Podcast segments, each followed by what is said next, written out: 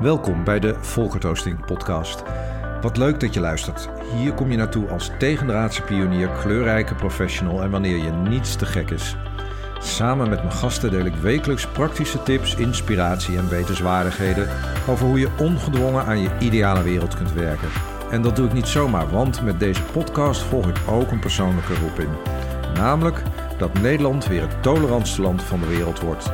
Want hoe anders je ook bent of doet, ik geloof dat iedereen het recht heeft gezien te worden zoals die echt is. Met deze podcast draag ik daar mijn steentje aan bij. Wil je me helpen? Laat dan nu een goud eerlijke review, like of comment achter bij deze aflevering. Wat doet het met je als je in een rolstoel zit en bij de kassa staat terwijl anderen letterlijk over je heen kijken en jij de frustratie voelt? En hoe ga je mee om als je Syrische ouders je tot overmaat van ramp niet langer accepteren? Nadat je na negen jaar met lood in je schoenen uit de kast komt en ziet hoe het duizend jaren oude christelijk-orthodoxe geloof tussen jou en je ouders staat. Alsof ze ineens de tegenpartij zijn. Mijn gasten vandaag maakt het allemaal mee. Ik heb het over Nathalie Doganay. Toch bleef ze geloven in de kracht van de liefde. Ze overwon een depressie mee en wist daar zelfs het contact mee te herstellen met haar ouders. We spraken elkaar op Internationale Vrouwendag, die wat haar betreft niet compleet is zonder Internationale Mannendag. En over welke keuzes je kunt maken als je jezelf niet gezien voelt. En waarom jachtig leven juist zo funest is als je een geheim bij je draagt.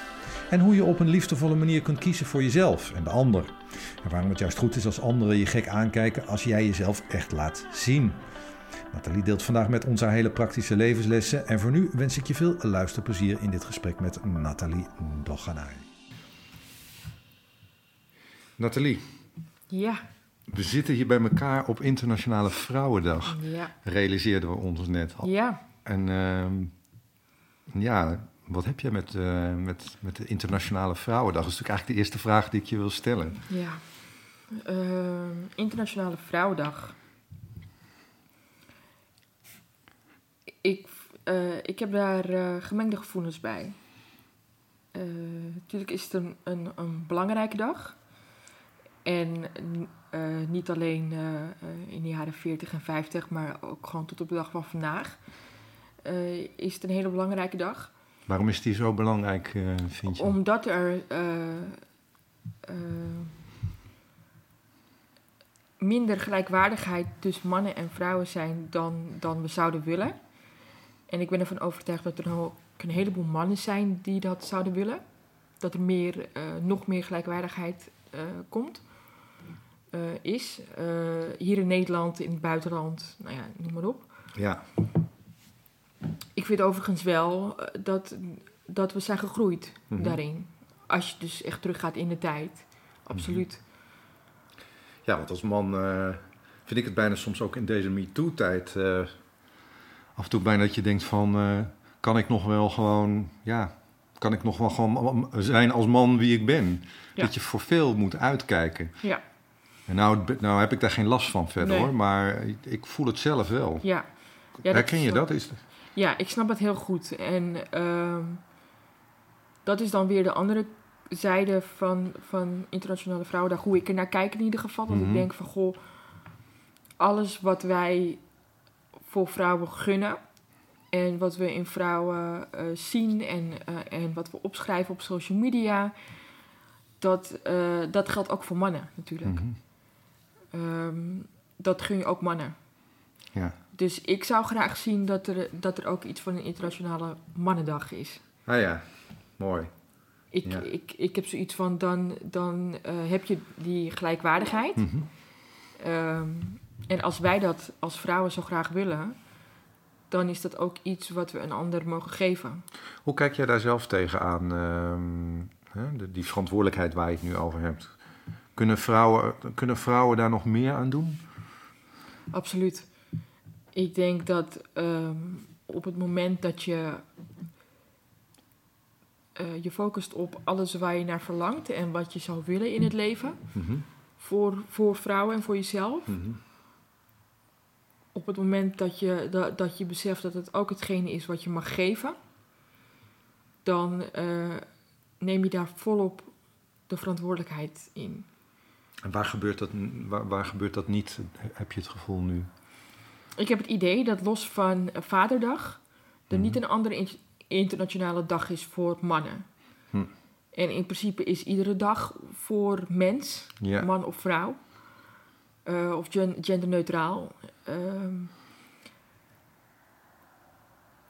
maar ja, ik mis dat wel. Ik mis wel een internationale mannendag. ja. Ja, dat heb ik wel gemerkt. Omdat, die vrou- omdat vrouwen nu zo strijdbaar zijn, meer kleur bekennen, meer opkomen voor zichzelf. Ook, maar ook omdat je, eh, omdat je ziet dat op zo'n dag als vandaag wordt eh, de vrouw heel erg in, in de spotlight gezet, in, maar op, een- op een positieve, fijne manier. Ja.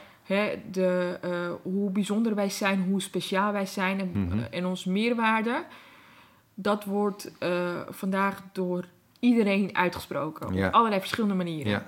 En dat gun ik iedereen, Mhm. dus mannen ook. Ja. Ehm, en als je, eh, en natuurlijk het hele jaar door, maar als je, als je ervoor kiest om één speciale dag in het jaar daarvoor te nemen, Mhm. waarom niet, denk Ja. ik dan. Ehm, maar doe dat dan wel voor beide geslacht. Nou, dan hebben we dat bij deze genoteerd. dat, er een, een, eh, dat het ook goed zou zijn als er een soort van internationale mensdag, mannendag, vrouwendag. Ja, Nou, nou, nou heb jij natuurlijk toch wel eh, iets met het opkomen voor, hè? nou ja, een soort van strijdbaarheid voor wat, eh, wat jou als vrouw, zeg maar, ehm, beweegt. Ja. Nou, is beweging voor jou iets bijzonders? klopt. Ik zoek even naar mijn woorden, dus een beetje een gek bruggetje dit, maar... Ja. Maar Eh, en je zit tegenover me in, eh, je hebt een beperking Ja. in, een, eh, in een rolstoel. Ja. Hoe is dat voor jou? Heb jij het gevoel dat je ook als iemand met een beperking soms extra aandacht moet vragen voor, zoals we hè, dat op Vrouwendag hebt, Ja. voor het leven met een beperking? Nee, ik, ehm, ik noem het overigens zelf een handicap. Oké. Omdat ik, eh, ik ben opgevoed met het woord handicap. Ah, En ik heb gemerkt eh, dat er dingen zijn die je meekrijgt in je opvoeding, die Mhm. je fijn vindt en zelf meeneemt in je volwassenenjaren. mhm. En het woord handicap is daar één van. Ehm, als je overigens gaat kijken naar de definitie, ehm, dan eh, past een beperking ook niet bij mij. mhm. Omdat ik mij heel weinig laat beperken. Nou, schreeuwt iedereen van de daken Ja, Van als, je, als je in contact bent met, hè, eh, Ja. eh, met mensen met een handicap, in Ja. jouw woorden, heb het dan alsjeblieft over een beperking. Er zijn ook allerlei koepelorganisaties, ik ken er zelf ook. een. Heb het over een beperking. En jij brengt me nu een beetje in de war. Heb het over een handicap. ja, ja, ja. Nou breng ik mensen. dus. Ja, ik breng mensen graag in de war overigens. Eh, omdat je in beweging eh, Ja. brengt, figuurlijk gezien. Het is absoluut iets heel persoonlijks. Het is iets waar je, waar je mee. eh, wat je hoort en waar voel je je goed bij, laat ik het zo Ja. zeggen. Om terug te komen op jouw vraag. ehm, nee, omdat ik mij dus niet zo laat beperken, heb ik zelf nauwelijks eh, de behoefte voor eh, extra aandacht. Overigens is, niks, is er niks mis met aandacht, eh, vind ik. Wat, wel, wat ik wel vervelend vind, dat heb ik toevallig gisteren dan nog meegemaakt. Ik maak het niet vaak mee. Op het moment dat, dat iemand letterlijk gaat voordringen in een rij. En doet alsof ik, alsof ik er niet ben. Alsof Mhm. je mij niet hebt gezien. Terwijl ik ben vrij kort, maar ik ben vrij breed. Ja, Dan klopt er iets niet. wat doet dat met jou? Ehm, dat zorgt er dus voor dat ik dan wel er iets van zeg. Ja, en, En- als je, en een stap daarvoor, jij, jij, jij, jij bent daar, Ja, dat gebeurt. ja. Wat is de eerste gedachte dan die bij je opkomt? Daar ben ik razend nieuwsgierig ja. naar. Ik, wat ik vervelend vind van mez- ja, daarin is dat het iedere keer toch frustratie is wat het mij op dat moment geeft. En ik vind het vervelend, want ehm, ik hoop dat op een dag het eerste wat ik voel is onwetendheid. Weet je, het, is, het is wat het is. Maar ik merk, ik merkte het gisteren, het eerste wat ik voel is frustratie. En, waar, en waar, zit, waar, waar zit dat in? Dan heb ik al staan wachten in een rij. Ja, Dan heb ik mijn geduldigheid daarin gezet. En dan vraag jij van mij om nog meer geduldigheid te geven, Ja. terwijl je me dat niet op een nette manier vraagt. En eigenlijk hoor ik jou net ook zeggen dat je een beetje, ehm, ik weet niet of, het zo bedoel, of je het zo bedoelde, maar dat je dan ook een beetje genegeerd wordt, over het hoofd wordt gezien. Absoluut, ja, absoluut. Dat is toch eigenlijk bizar?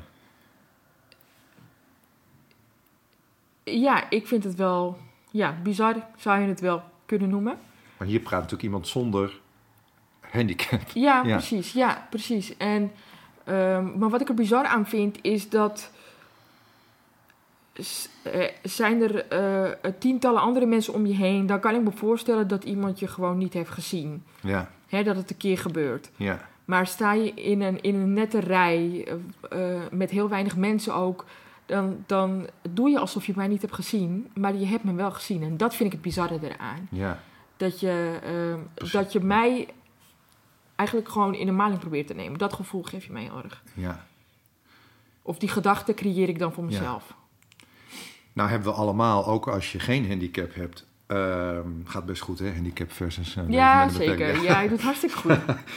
Ehm, ook al heb je geen handicap, dan Ja. hè, heb je ook wel ge- regelmatig gevoel, nou, eh, de wereld ziet me even niet staan. Ja, Nou weet jij als, dus als geen ander vanuit zo'n voorbeeld wat je net geeft, Ja. hoe dat is. Ja. Heb jij tips ja, hoe daarmee om te gaan? ja. Het is goed om te signaleren bij jezelf... van ik voel me in een maling genomen... maar eigenlijk is dat een, een belemmerende gedachte die ik mezelf aanpraat. En wat betekent dat, een belemmerende gedachte? Want dat, dat is, is... een belemmerende gedachte in dit geval eh, is dat, dat ik me laat tegenhouden om zichtbaar te zijn. Ik heb er gisteren bijvoorbeeld niks van gezegd. ah, Terwijl er ook momenten zijn dat ik die belemmerende gedachte even op de achtergrond zet. En dan merk je dat ik gewoon op een volwassen manier met de persoon voor mij eh, in gesprek ga van goh, ik stond er eerst. dus ik hoor je eigenlijk zeggen, jij bent je heel bewust van jezelf, van wat je op dat moment Ja. eh, denkt. En je be- be- beslist ook heel bewust, ik zeg nu even niks. Klopt dat? Dat klopt inderdaad. En blijft het dan als je uit die winkel bent, in dit voorbeeld, blijft het dan nog napruttelen? Houdt het je nog bezig de avond? Of... ik baal vaak van het feit dat ik er niet iets van heb gezegd. En weet je, zeg dat ik acht van de tien keer er wel wat van zeg, maar een enkele keer zeg ik er niks van en daar baal ik iedere keer wel van. En nu luisteren we met z'n allen naar, eh, naar jou in, Ja. in deze podcast. Dus betekent dat ook dat je tegen ons zegt van, ehm, zeg er nou wel wat van? Wees zichtbaar. Wees zichtbaar. En als je nou geen handicap hebt en, en je voelt je niet gezien, wat, hè, even naar die tips, wat, Mhm. wat zou je dan... Wees op een vriendelijke manier zichtbaar.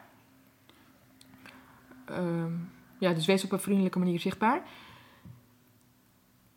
En, en blijf bij jezelf. Hm. Kies er vooral voor om te handelen vanuit jezelf. En om een reactie te geven vanuit jezelf. En niet een reactie die, eh, die een ander jou probeert op te leggen. Snap ja. je wat ik bedoel? Ja, ik snap wel wat je bedoelt. Ik, ik, ik herken het ook wel eh, in hoe ik in elkaar steek. Ik heb ook best wel lang moeten zoeken naar van... eh, Oké, hoe geef ik mijn grenzen aan? Hoe zeg ik waar ik voor sta? En dat is me gelukt door, eh, door mijn leven heen tot nu toe zelfkennis op te doen. Ja. Zonder zelfkennis had ik dat nu niet gekund. Nee. Dan was ik misschien zelfs wel een beetje in verlegenheid geweest... toen jij net zei, ja maar Volkert, ik heb het liever over een handicap. Ja, precies. En nu vraag ik aan jou van, eh, oh, vertel eens. Precies. Ja, het begint met, met zelfkennis.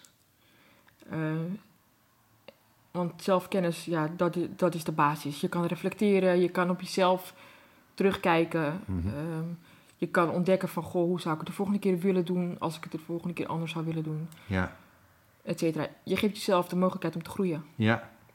Merk jij dit nou ook in eh, jouw werk als maatschappelijk werker? Dat, dit, dat mensen dit soort dingen tegenkomen? Mensen die het misschien moeilijk hebben in het leven... ehm, en die misschien wat minder Ja. weerbaar zijn? Ja, als ik zo kijk naar mijn cliënten... Mhm. Ehm, ik heb eigenlijk eh, ik heb vrij veel cliënten die, die, eh, die het idee hebben dat ze te maken hebben met discriminatie. eh, op allerlei vlakken van eh, eh, het hebben van minder geld tot aan ehm, ja, het minder, mi- minder stabiel zijn op mentaal gebied. Mhm. Ehm, ik heb cliënten die, die eh, het idee hebben dat ze te maken hebben met eh, racisme. Nou ja, allerlei voorbeelden Mhm. waardoor zij ehm, liever onzichtbaar zijn dan zichtbaar. Of waarbij zij het heel moeilijk vinden om, om eh, te kiezen op dat moment voor zichtbaar zijn. Dus als ik jou goed hoor zeggen, eh, als ik, als ik, zoals ik je nu hoor zeggen, is op het moment dat mensen een beetje nou ja, gek aankijken of, of, of, of niet zien, dan hebben we toch met z'n allen de neiging om weg te kruipen. Ja, mensen vinden het heel moeilijk om op dat moment na te denken van... Goh, wat gebeurt er nou met mij? En welke reactie geef ik hierop? En dan zou je dus kunnen zeggen dat eh, het inzicht om te reflecteren, ehm, dat daar n- nog genoeg mogelijkheden in zitten wat betreft groei. Dus dat betekent dat, hè, dat je zorg nou voor dat je praktisch bij jezelf stilstaat. Wat gebeurt er met me? Wat voel ik nou? Ja. Stel, ik- stel ik me dat voor? En dat is iets wat, wat, wat mijn cliënten over het algemeen heel moeilijk vinden. En tegelijkertijd, ehm, ja, ik zie dat. En tegelijkertijd geef ik ze dan ook mee van, goh, je vindt dat moeilijk. Dus dan zit er een hele hoop mogelijkheden in om daarin te groeien. Ja. En dat gaat met hele kleine stapjes. En is dat nou echt iets alleen, denk je, van deze mensen, waarvoor jij, of waarvoor jij ook een beetje zorgt, hè, eigenlijk, of waarmee je werkt? Of is het ook wel iets waarvan jij denkt, nou, de hele samenleving eh, heeft daar wel een handje van? Ja, het gaat inderdaad, eh, je- je kan het veel breder trekken. Ja. De samenleving over het algemeen. Ja, absoluut. Waar maak jij het meeste druk over? Waar Waar- ben jij bezorgd over? En wat, wat jij nu in de wereld om je heen ziet? Waar ik mij nu zorgen over maak, is dat een hele hoop voorbeelden waarin je merkt dat men anders denkt of anders in het leven staat. En anders in vergelijking met bijvoorbeeld mij. Ehm, dat we dat. Dat we daar ehm, heel moeilijk ruimte voor kunnen geven. Dat we dat liever niet hebben. We willen het niet zien, we kijken We- weg. Precies, precies. En eh, we oordelen er ook heel erg veel op. En nou is er niks mis met het hebben van een oordeel, mits je je daarvan bewust bent. dat? Eigenlijk zeg je, we zijn daar misschien ook wel wat hard in geworden, harder. Ik zou niet het woord hard willen noemen, nee. Dus Ik, dan valt het nog wel mee. t- ehm, Dus even een gewetensvraag, Nathalie. het is een gewetensvraag inderdaad. Ik zou niet het woord hard willen noemen. Mhm. Ik vind het overigens niet meevallen. Als ik zo kijk naar welk woord ik er wel aan wil geven, dan is dat gehaast.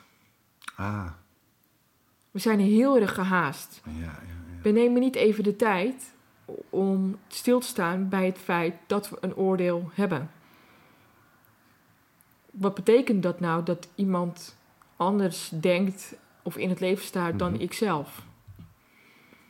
Dus Jan, jouw oproep zou bijna zijn, beste mensen, neem wat meer de tijd, sta stil bij jezelf en de ander. Ja. En Ga vertragen, inderdaad. ja. Hoe ziet dat voor jou praktisch uit? Dat is voor mij de afgelopen, ja, laten we het nu zeggen, negen jaar. Mhm. eh, heb ik daar eh, ja, een ontwikkeling in meegemaakt. Mhm. Ik ben negen jaar geleden uit de kast gekomen eh, bij christelijke orthodoxe ouders. En ik heb geleerd dat waar eh, mensen die uit de kast komen zo naar verlangen, is ehm, de verbinding met je, met je dierbaren. Eh, de liefde van je, van je dierbaren en de acceptatie van je dierbaren. Nou zijn deze drie dingen heel breed. Wat voor de een acceptatie is, is, is voor een ander eh, minder acceptatie. Wat was het voor jou? Ik wilde vooral dat mijn ouders eh, mij konden accepteren.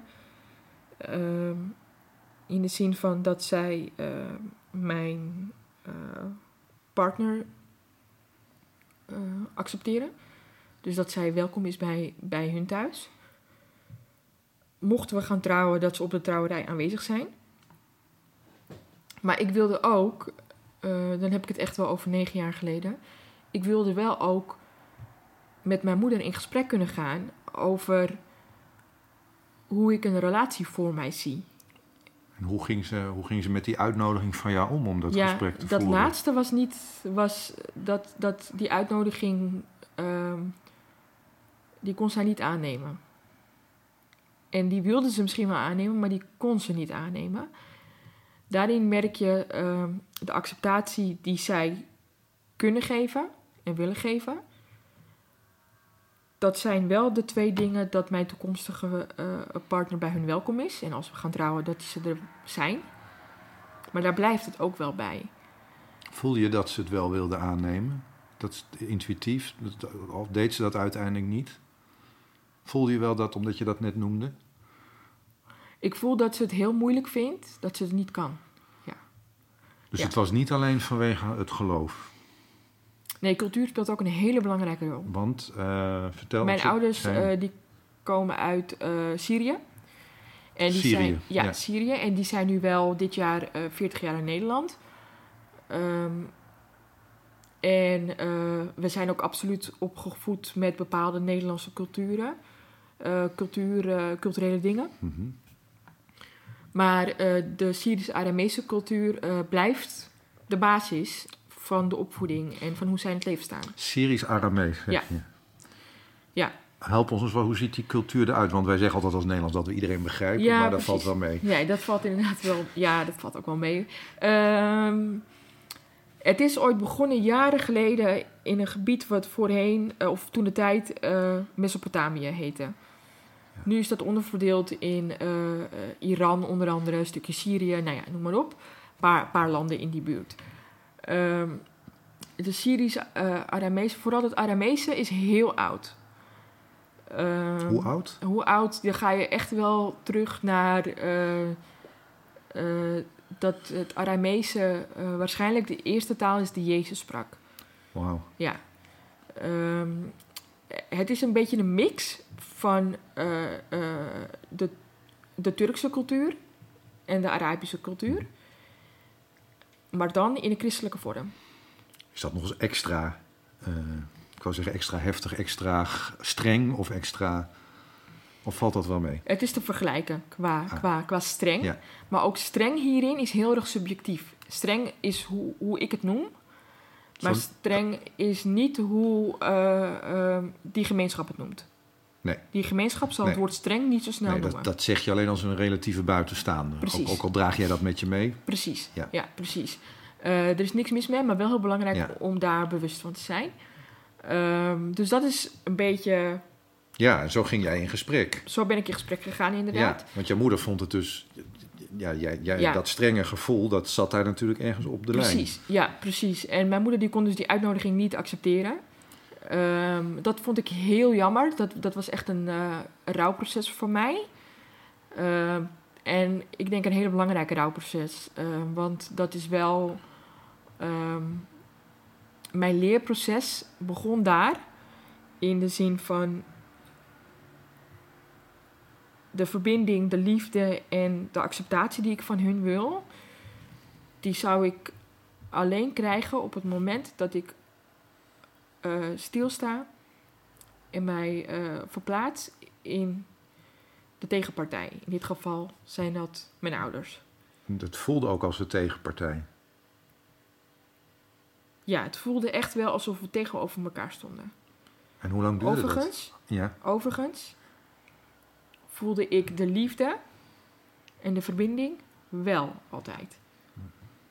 Omdat ik ehm, ervan overtuigd ben dat in eh, ruzies die je hebt, in discussies die je hebt, dat daar zoveel liefde zit. Die liefde eigenlijk, die, die blijft op en neer gaan op het moment dat je, dat je in, een, eh, in een felle discussie zit met elkaar. Of dat Ja. je in een ruzie zit met elkaar. Alsof je dag en nacht hebt. Dat gaat altijd door. Liefde komt altijd terug. Precies. De dag. Precies. Ja. Maar je kunt niet ruzie maken Nee. als het je helemaal niks doet.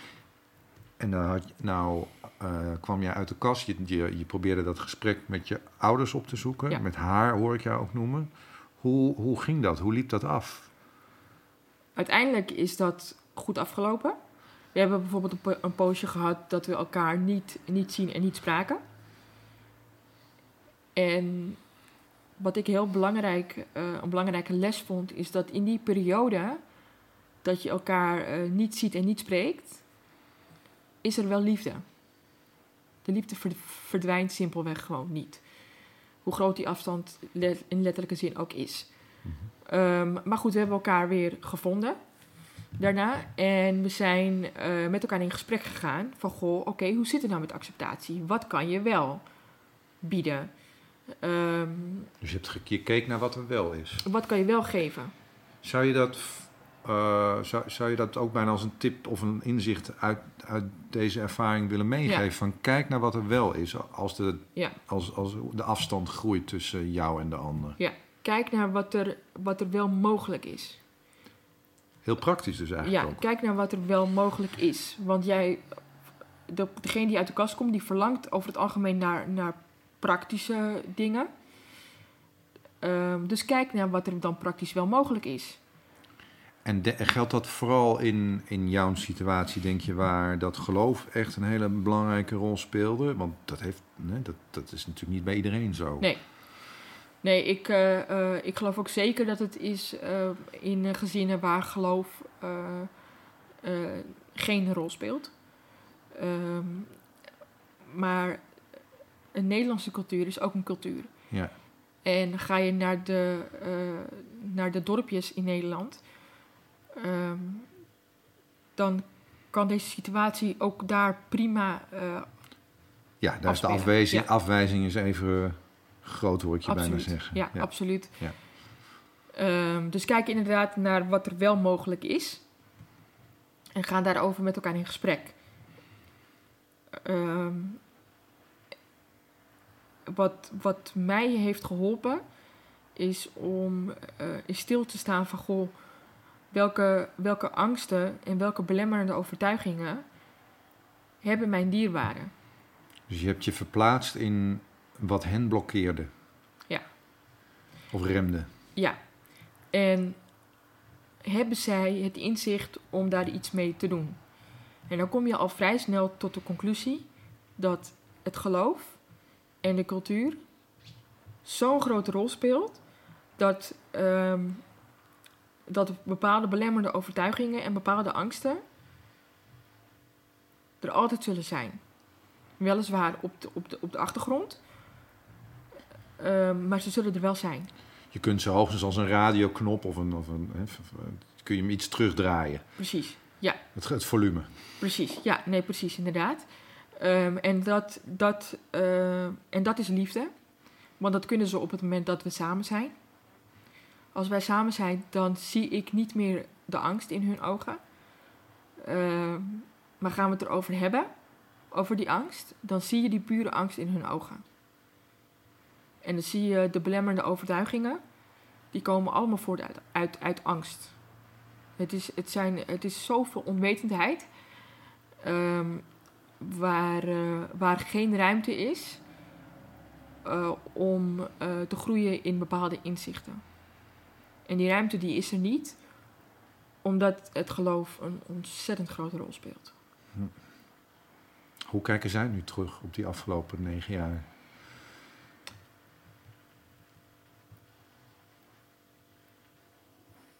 Ik denk dat zij. ehm, ja, ik denk dat zij ook wel zoiets hebben van: goh, elk huisje heeft zijn kruisje. Dat, dat vind ik ook.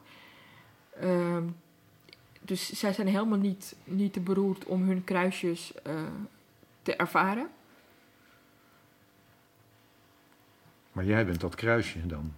Ja, mijn seksuele geaardheid is dat kruisje. Is een Ja, van die kruisjes, absoluut. Absoluut. En hoe is dat? Ehm, om een kruisje te zijn voor je ouders? Eigenlijk is dat ook heel, ehm, heel warm. Want je Mhm. bent wel hun kind. Je bent hun, eh, eh, nou ja, hun jongste kind. Op zich maakt het niet zo heel veel uit of je nou de oudste of de jongste bent. Maar je bent wel hun kind. Dus als er een kruisje in dat huis plaatsvindt, dan, dan denk ik dat, dat het heel fijn is als dat binnen de gezinsleden plaatsvindt. Natuurlijk wel iets, eh, als, je, als je als een kruisje eh, bent hè, in je Ja. familie. Ja. Eh, jij staat daar ongelooflijk positief in. Ja. Ehm, Inmiddels. Inmiddels. Inmiddels. Want? Dat was negen jaar geleden nog niet het geval. Dat is echt wel. ehm, en daar sta ik nu zo positief in, omdat ik dus ben gaan vertragen en minder gehaast ben gaan leven, waardoor ik ben gaan nadenken van goh, hoe kan het dat zij niet kunnen geven waar ik zo naar verlang? Want daarvoor was het ook deprimerend die eerste tijd. Absoluut. Ja, ik heb eh, eh, inderdaad in 2011 ook eh, van 2010 tot 2011 een depressie gehad. Eh nou ja, in die periode is het gediagnosticeerd. Ehm, en een van de redenen was dat ik nog in de kast zat. Ik heb tien jaar in de kast gezeten en dat, dat is een van de redenen geweest, een van de belangrijke factoren die, be- eh, in, die een belangrijke rol speelde in mijn depressie. En, wat, en hoe zag die depressie voor jou dat jaar eruit? Hoe zag je leven er, eh, je alledaagse leven er, eruit? Ik. ehm, dat zag. eh, mijn, mijn dagelijks leven zag eruit als overleven. Dus ik ging. Ik liep toen nog stage en ik studeerde toen nog. Eh, ik ging naar mijn stage, ik ging naar mijn studie. Ik deed wat nodig was. Waarvan ik vond dat was nodig. ehm, op dat moment. En ehm, wat moeilijk was, is dat we eh, dus in die periode ehm, hebben we nog wel even contact gehad, maar daarna ook niet meer. Want op een gegeven moment vond ze mijn coming out plaats. Dus zij waren ook eh, helemaal niet op de hoogte van mijn depressie. Op zich, eh, achteraf gezien, had het ook niet zo heel veel verschil uitgemaakt. Eh, of ze daar wel of nou niet van op de hoogte waren. Maar het was vooral eh, overleven. En het was een periode van proberen te voorkomen dat je een heel bitter persoon wordt. Dat was je wel bewust, dat je die kant aan het opgaan was, dat je echt bitter werd. Of, Ik werd daar bewust van omdat ik dat terugkreeg van vrienden. ah, En dat was heel fijn, om, dat, om, om daarmee geconfronteerd te worden. ja, dus ze schudden je ook een beetje wakker, mag Ja. ik het zo Ja. Absoluut, ja, absoluut. En eh, dat was heel. eh, dat is belangrijk, want dat, zodra ik het hoorde, wist ik: oké, dit is niet wat ik wil. Ik wil niet een Nee. bitter persoon zijn, want ik was juist op zoek naar heel veel liefde. Ik was ons- op zoek naar, naar liefdevolle mensen om mij heen. Dus ik had zoiets van: nou, dan ga ik niet een bitter persoon worden. Dus dan gaan we dat nu ook per direct veranderen. Ehm, ja, dus dat was daar was ik heel blij mee, met die confrontatie. Dus eigenlijk ehm maakte je daar ook weer zicht, iets zichtbaar voor jezelf. Ja. Zoals je in die rij stond bij die kassa en je, hè, net zei je dat je zelf, deed je daar ook iets. Ja, absoluut. Ja, dat was echt wel een omschakeling van... Goh, dit is, dit is niet wat ik wil. Ik wil niet die kant op.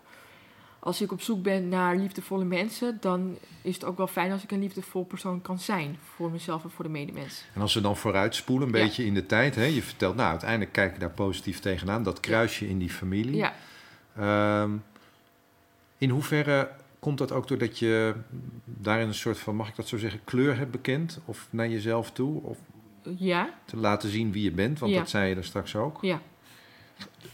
Is er een moment geweest waarop jij echt het gevoel had, ik, ik ga er nu voor staan, ik beken kleur, this is me. En, Ja, zeker. Dat, ja. ja. dat is echt heel bewust die avond geweest dat ik uit de kast ben gekomen. Ik, ik, ik was er klaar voor, ik stond stevig in mijn schoenen en ik had zoiets van: dit is wie ik ben. En ehm, hoe vervelend dat ook is, jullie zijn een van de laatste mensen die het nog niet weten. Dus Ja. hierbij eh, eh, kan ik ook gewoon volledig mezelf zijn. Terwijl je dit zegt, kijk je me aan, eh, bijna alsof de energie eruit spat. Ja. Het voelt bijna alsof je dat ook nog met een fles Ja. champagne of iets dergelijks gevierd hebt. Ja, ik heb, ja, ik heb het zeker gevierd. Ja, ik heb die, die avond. Ja, dat was echt een ongelofelijke mijlpaal, joh. Dat was echt fantastisch. Dat was. je moet je bedenken, je bent al tien jaar. Ben je, ehm, eh, loop je met een geheim rond. En op dat moment eh, eh, had ik al twee jaar het plan om uit de kast te komen. In 2009 besloot ik, ik wil uit de kast komen. En ik heb in die twee jaar tijd kleine stapjes gezet om uiteindelijk bij mijn resultaat te komen. Mhm. Dus dat heb ik ja, groots gevierd. Ik, heb, ik, ik ben die avond ben ik uit eten geweest. En nou is niet zozeer het eten waardoor je het groots viert, maar gewoon je bewustzijn. De persoon die tegenover jou zit, een, grote, een goede vriendin van jou, die, die jou doet realiseren van wat heb je nu gedaan, weet je wel? Wat heb je nu bereikt? Ehm, ik heb die avond. ehm, die avond, dat was een van, van, van de momenten in mijn leven dat ik eh, ehm, ontzettend veel betrokkenheid heb mogen ervaren. Van iedereen om mij heen. Dus ik heb ontzettend veel berichtjes binnengekregen met. eh, sms'en en de berichten Ja. over. Precies. En het gaat dan voornamelijk om de inhoud van die berichtjes. Om al die lieve woorden waarin Ja. je je betrokkenheid voelt. Betrokkenheid geeft dus ook. Leef je dan letterlijk weer op Ja, na die tien jaar? ja. Als een herboren Een, eh, een, gevoel? oud, ja, een, een oud klasgenoot van mij die zei... Nathalie, het zal zijn eh, als dat, je, dat er een last van je schouders afgaat. En dat was echt letterlijk het geval. Dus er ging in eerste instantie ging er echt een hele hoop last van je schouders. En ehm, dat gevoel van herboren... Ja, dat, dat heb ik echt wel... eh, zeker de eerste drie maanden heb ik dat gevoel heel sterk gehad. Ja. Wat zou je eh, ons willen meegeven op, hè, vanuit die ervaring? Ja. Als het gaat over gevoelens van, dat hoeft niet meteen met, eh, met uit de kast komen te maken hebben, Nee. maar we hebben allemaal wel, of dat op de werkvloer is in je werk, soms een gevoel van, nou ja, eh, kan ik hè, deze kant wel laten zien? Ja. Ik doe eh, veel eh, voor mensen, daar gebruik ik ook de muziek voor, die of een hele gevoelige kant hebben, introverte kant, eh, een beetje Ja. een crazy kant. Ja. Weird is good roep ik dan wel. Ja. Ehm, wat zou je willen meegeven als je, dat, als je daar naar zoekend bent? Kan ik gaan staan voor wie ik echt ben? Je bent al iedere dag wie je bent. In de periode dat ik ervoor koos om nog in de kast te blijven, was ik wie ik ben. Daar koos ik gewoon heel bewust voor. Ik ben nooit een andere persoon geweest. Maar het zijn de keuzes die ik neem, waarin ik de verantwoordelijkheid neem, om in alle vrijheid te voelen wie ik daadwerkelijk ben. En of dat nou je collega's zijn die daar eh, eh, mee te maken hebben, of dat het eh, ja, andere dierbare mensen zijn die, die de, daar mee te maken hebben. Jij gaat als het ware verder dan waar zij gebleven zijn. Daar geloof ik heel erg in. Als je op het moment dat je die kant laat zien, bedoel je dat? Ja, absoluut. Want je kunt ook weerstand, allergieën, irritaties verwachten van mensen. Ja, wat, wat is Ja. voor een raar persoon? Precies, ab- absoluut. En, dat, Pest op de en die ervaar je dus omdat jij verder gaat waar zij gebleven zijn. Dus op het moment... Ja, ik zie jou glimlachen. Ik moet ook glimlachen. Dus op het moment dat je iemand hebt die je gek aankijkt... Ja. dat is bijna een goed teken. Ja. Omdat jij dan verder bent gegaan. Het is een goed teken voor jezelf, Ja, absoluut. Ja, Ja, en omdat jij verder gaat dan waar diegene gebleven is. Ehm, los van het feit dat waar diegene gebleven is ook hartstikke goed is voor diegene geweest. ben je Dus dan ook niks ten nadele van diegene. Juist, ja. Maar dan is het ook niks ten nadele van jezelf. Nee. En heb je dan dan ook eh, in jouw optiek een verantwoordelijkheid om diegene die, ja, die in één keer iets van jou ziet wat je tot nu toe niet hebt laten zien, om die te helpen daarin?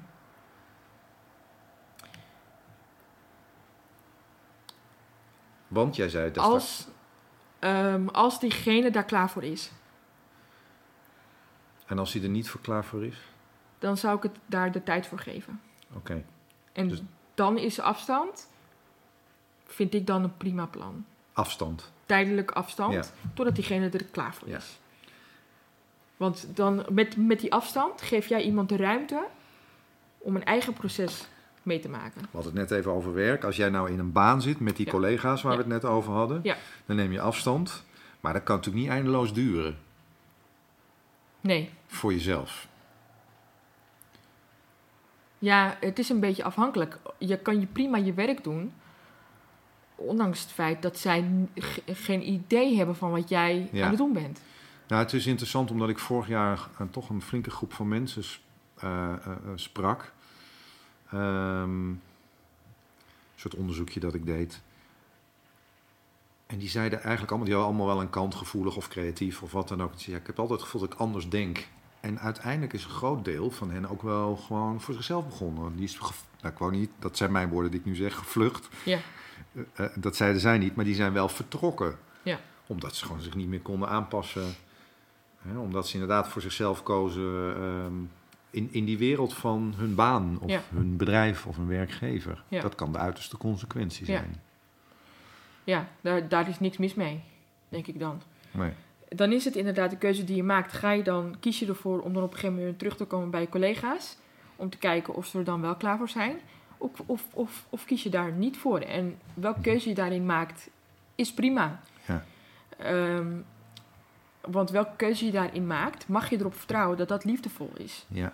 En als de keuze is, ehm, in dit geval, dat je, dat je vertrekt, dat je weggaat, dan heb je liefdevol afscheid genomen voor jezelf. Ja. Je laat hun in hun waarde door hun eigen proces te gunnen. Ja.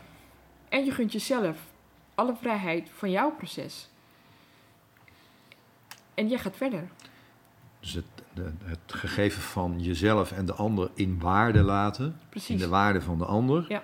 De waarde waar die ander naar leeft. Of wat hij, hè, wat hij zelf belangrijk vindt. Ja. En je eigen waarde. Ja. Daar goed bewust van zijn. Ja. Dat helpt ook om te bepalen van... eh, wanneer neem ik afstand? Hoe lang neem ik afstand? Op het moment dat, ehm, dat jij ouders hebt die jou eh, weer kunnen toelaten naar jouw coming out op een gegeven moment, dan is dat hun proces geweest. Op het moment dat ouders dat niet kunnen, dan is dat ook hun proces. Ja. En daarin heb je allerlei mogelijkheden van, in mijn geval duurde het negen maanden. Ja. Je hebt situaties waarin het jaren duurt. Ja. En je hebt situaties Ja. waarin beide partijen uit elkaar gaan. Ja. En die blijven uit elkaar gaan. Maar één ding is heel belangrijk daarin. Of je nou uit elkaar blijft of niet. De liefde onderling zal er altijd zijn. ja. Ook al ben je daar niet altijd bewust van. De liefde die overwint het er uiteindelijk. Ja, Zelfs in, eh, zel- zelfs in werk. ja, En ik hoor je ook zeggen, in die zin is, de, is het bijna ook een metafoor uit de kast komen. Of het nou gaat over je seksualiteit of eh, eh, geaardheid. Ja. Eh, of het gaat over dat jij je kant laat zien op de werkvloer Ja. of naar vrienden, Ja. je kwetsbaar opstelt. Ja. Dat brengt liefde. dat Of brengt dat is liefde. Precies, dat brengt eh, liefde. Dat is liefde inderdaad, dat zeg je heel mooi.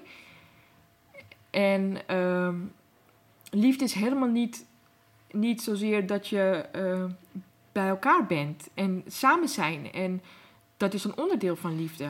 Maar ook als je niet samen bent, dan is er liefde. Ja, En ehm, ook tussen collega's onderling. ja, mooi.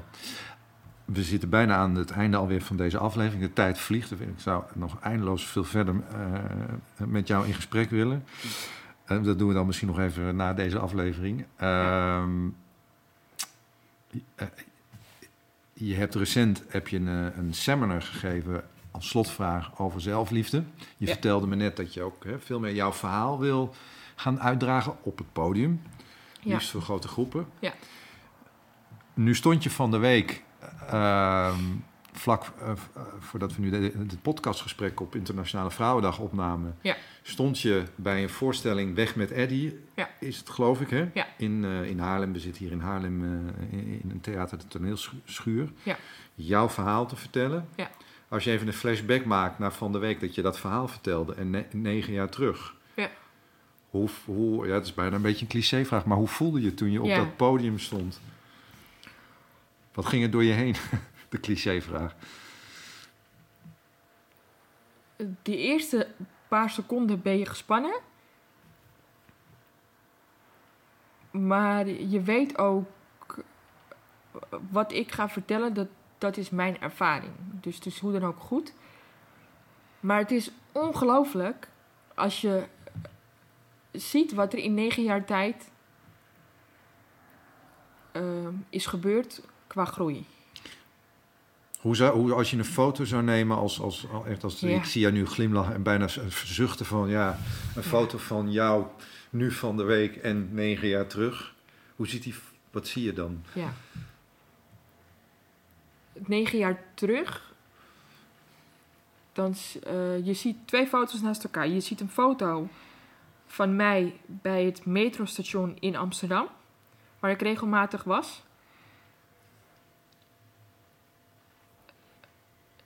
Ingedogen heel erg.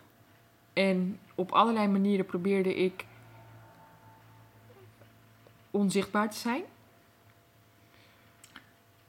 En daarnaast dus een foto van, van een vrouw.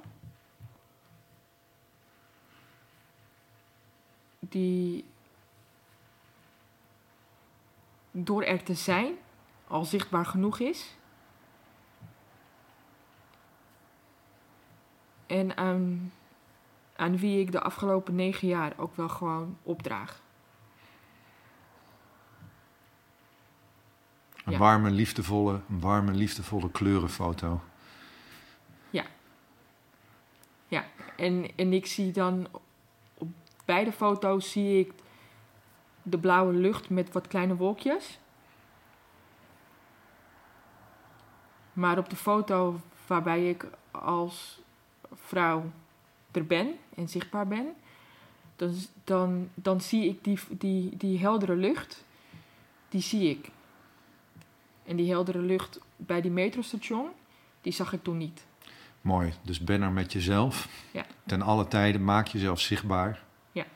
Ja. Ga al- altijd in gesprek, stel je daar kwetsbaar in op, want dat is liefde. En Plaats je- vertrouw op die lucht. Liefde, als Ja. hè, de zon die opgaat, Ja. dat is er altijd. Ook Ja. al is het gewoon, hè, kan het ook af en toe even een donkere tijd zijn. En verplaats je in, in de partij waar je ook mee te maken hebt. Mooi Of Nathalie, dat nou je tegenpartij is. mooi. Dankjewel. Ja, ja bedankt. Ja, en ik ben natuurlijk super benieuwd wat je van deze aflevering vond. De tips, de dingen die we hebben besproken, of misschien zijn er wel dingen waarvan je zegt: hey, kun je daar de volgende keer eens aandacht aan besteden? Nou, natuurlijk eh, stuur me in dat geval een DM. Dat kan op Instagram, waar ik dagelijks ben te vinden, @volkertoasting. Op LinkedIn, maar ook op Facebook. En als je nou zegt: hey, deze aflevering is interessant voor iemand die je kent, ja, dan vind ik het natuurlijk te gek als je hem deelt. Want op die manier maken we met z'n allen van Nederland weer het tolerantste land van de wereld. En mocht je meer over mij willen weten, kijk dan even op www.volkertoasting.nl. Voor nu wens ik je een fijne dag en tot de volgende aflevering van de Volkert Oosting podcast.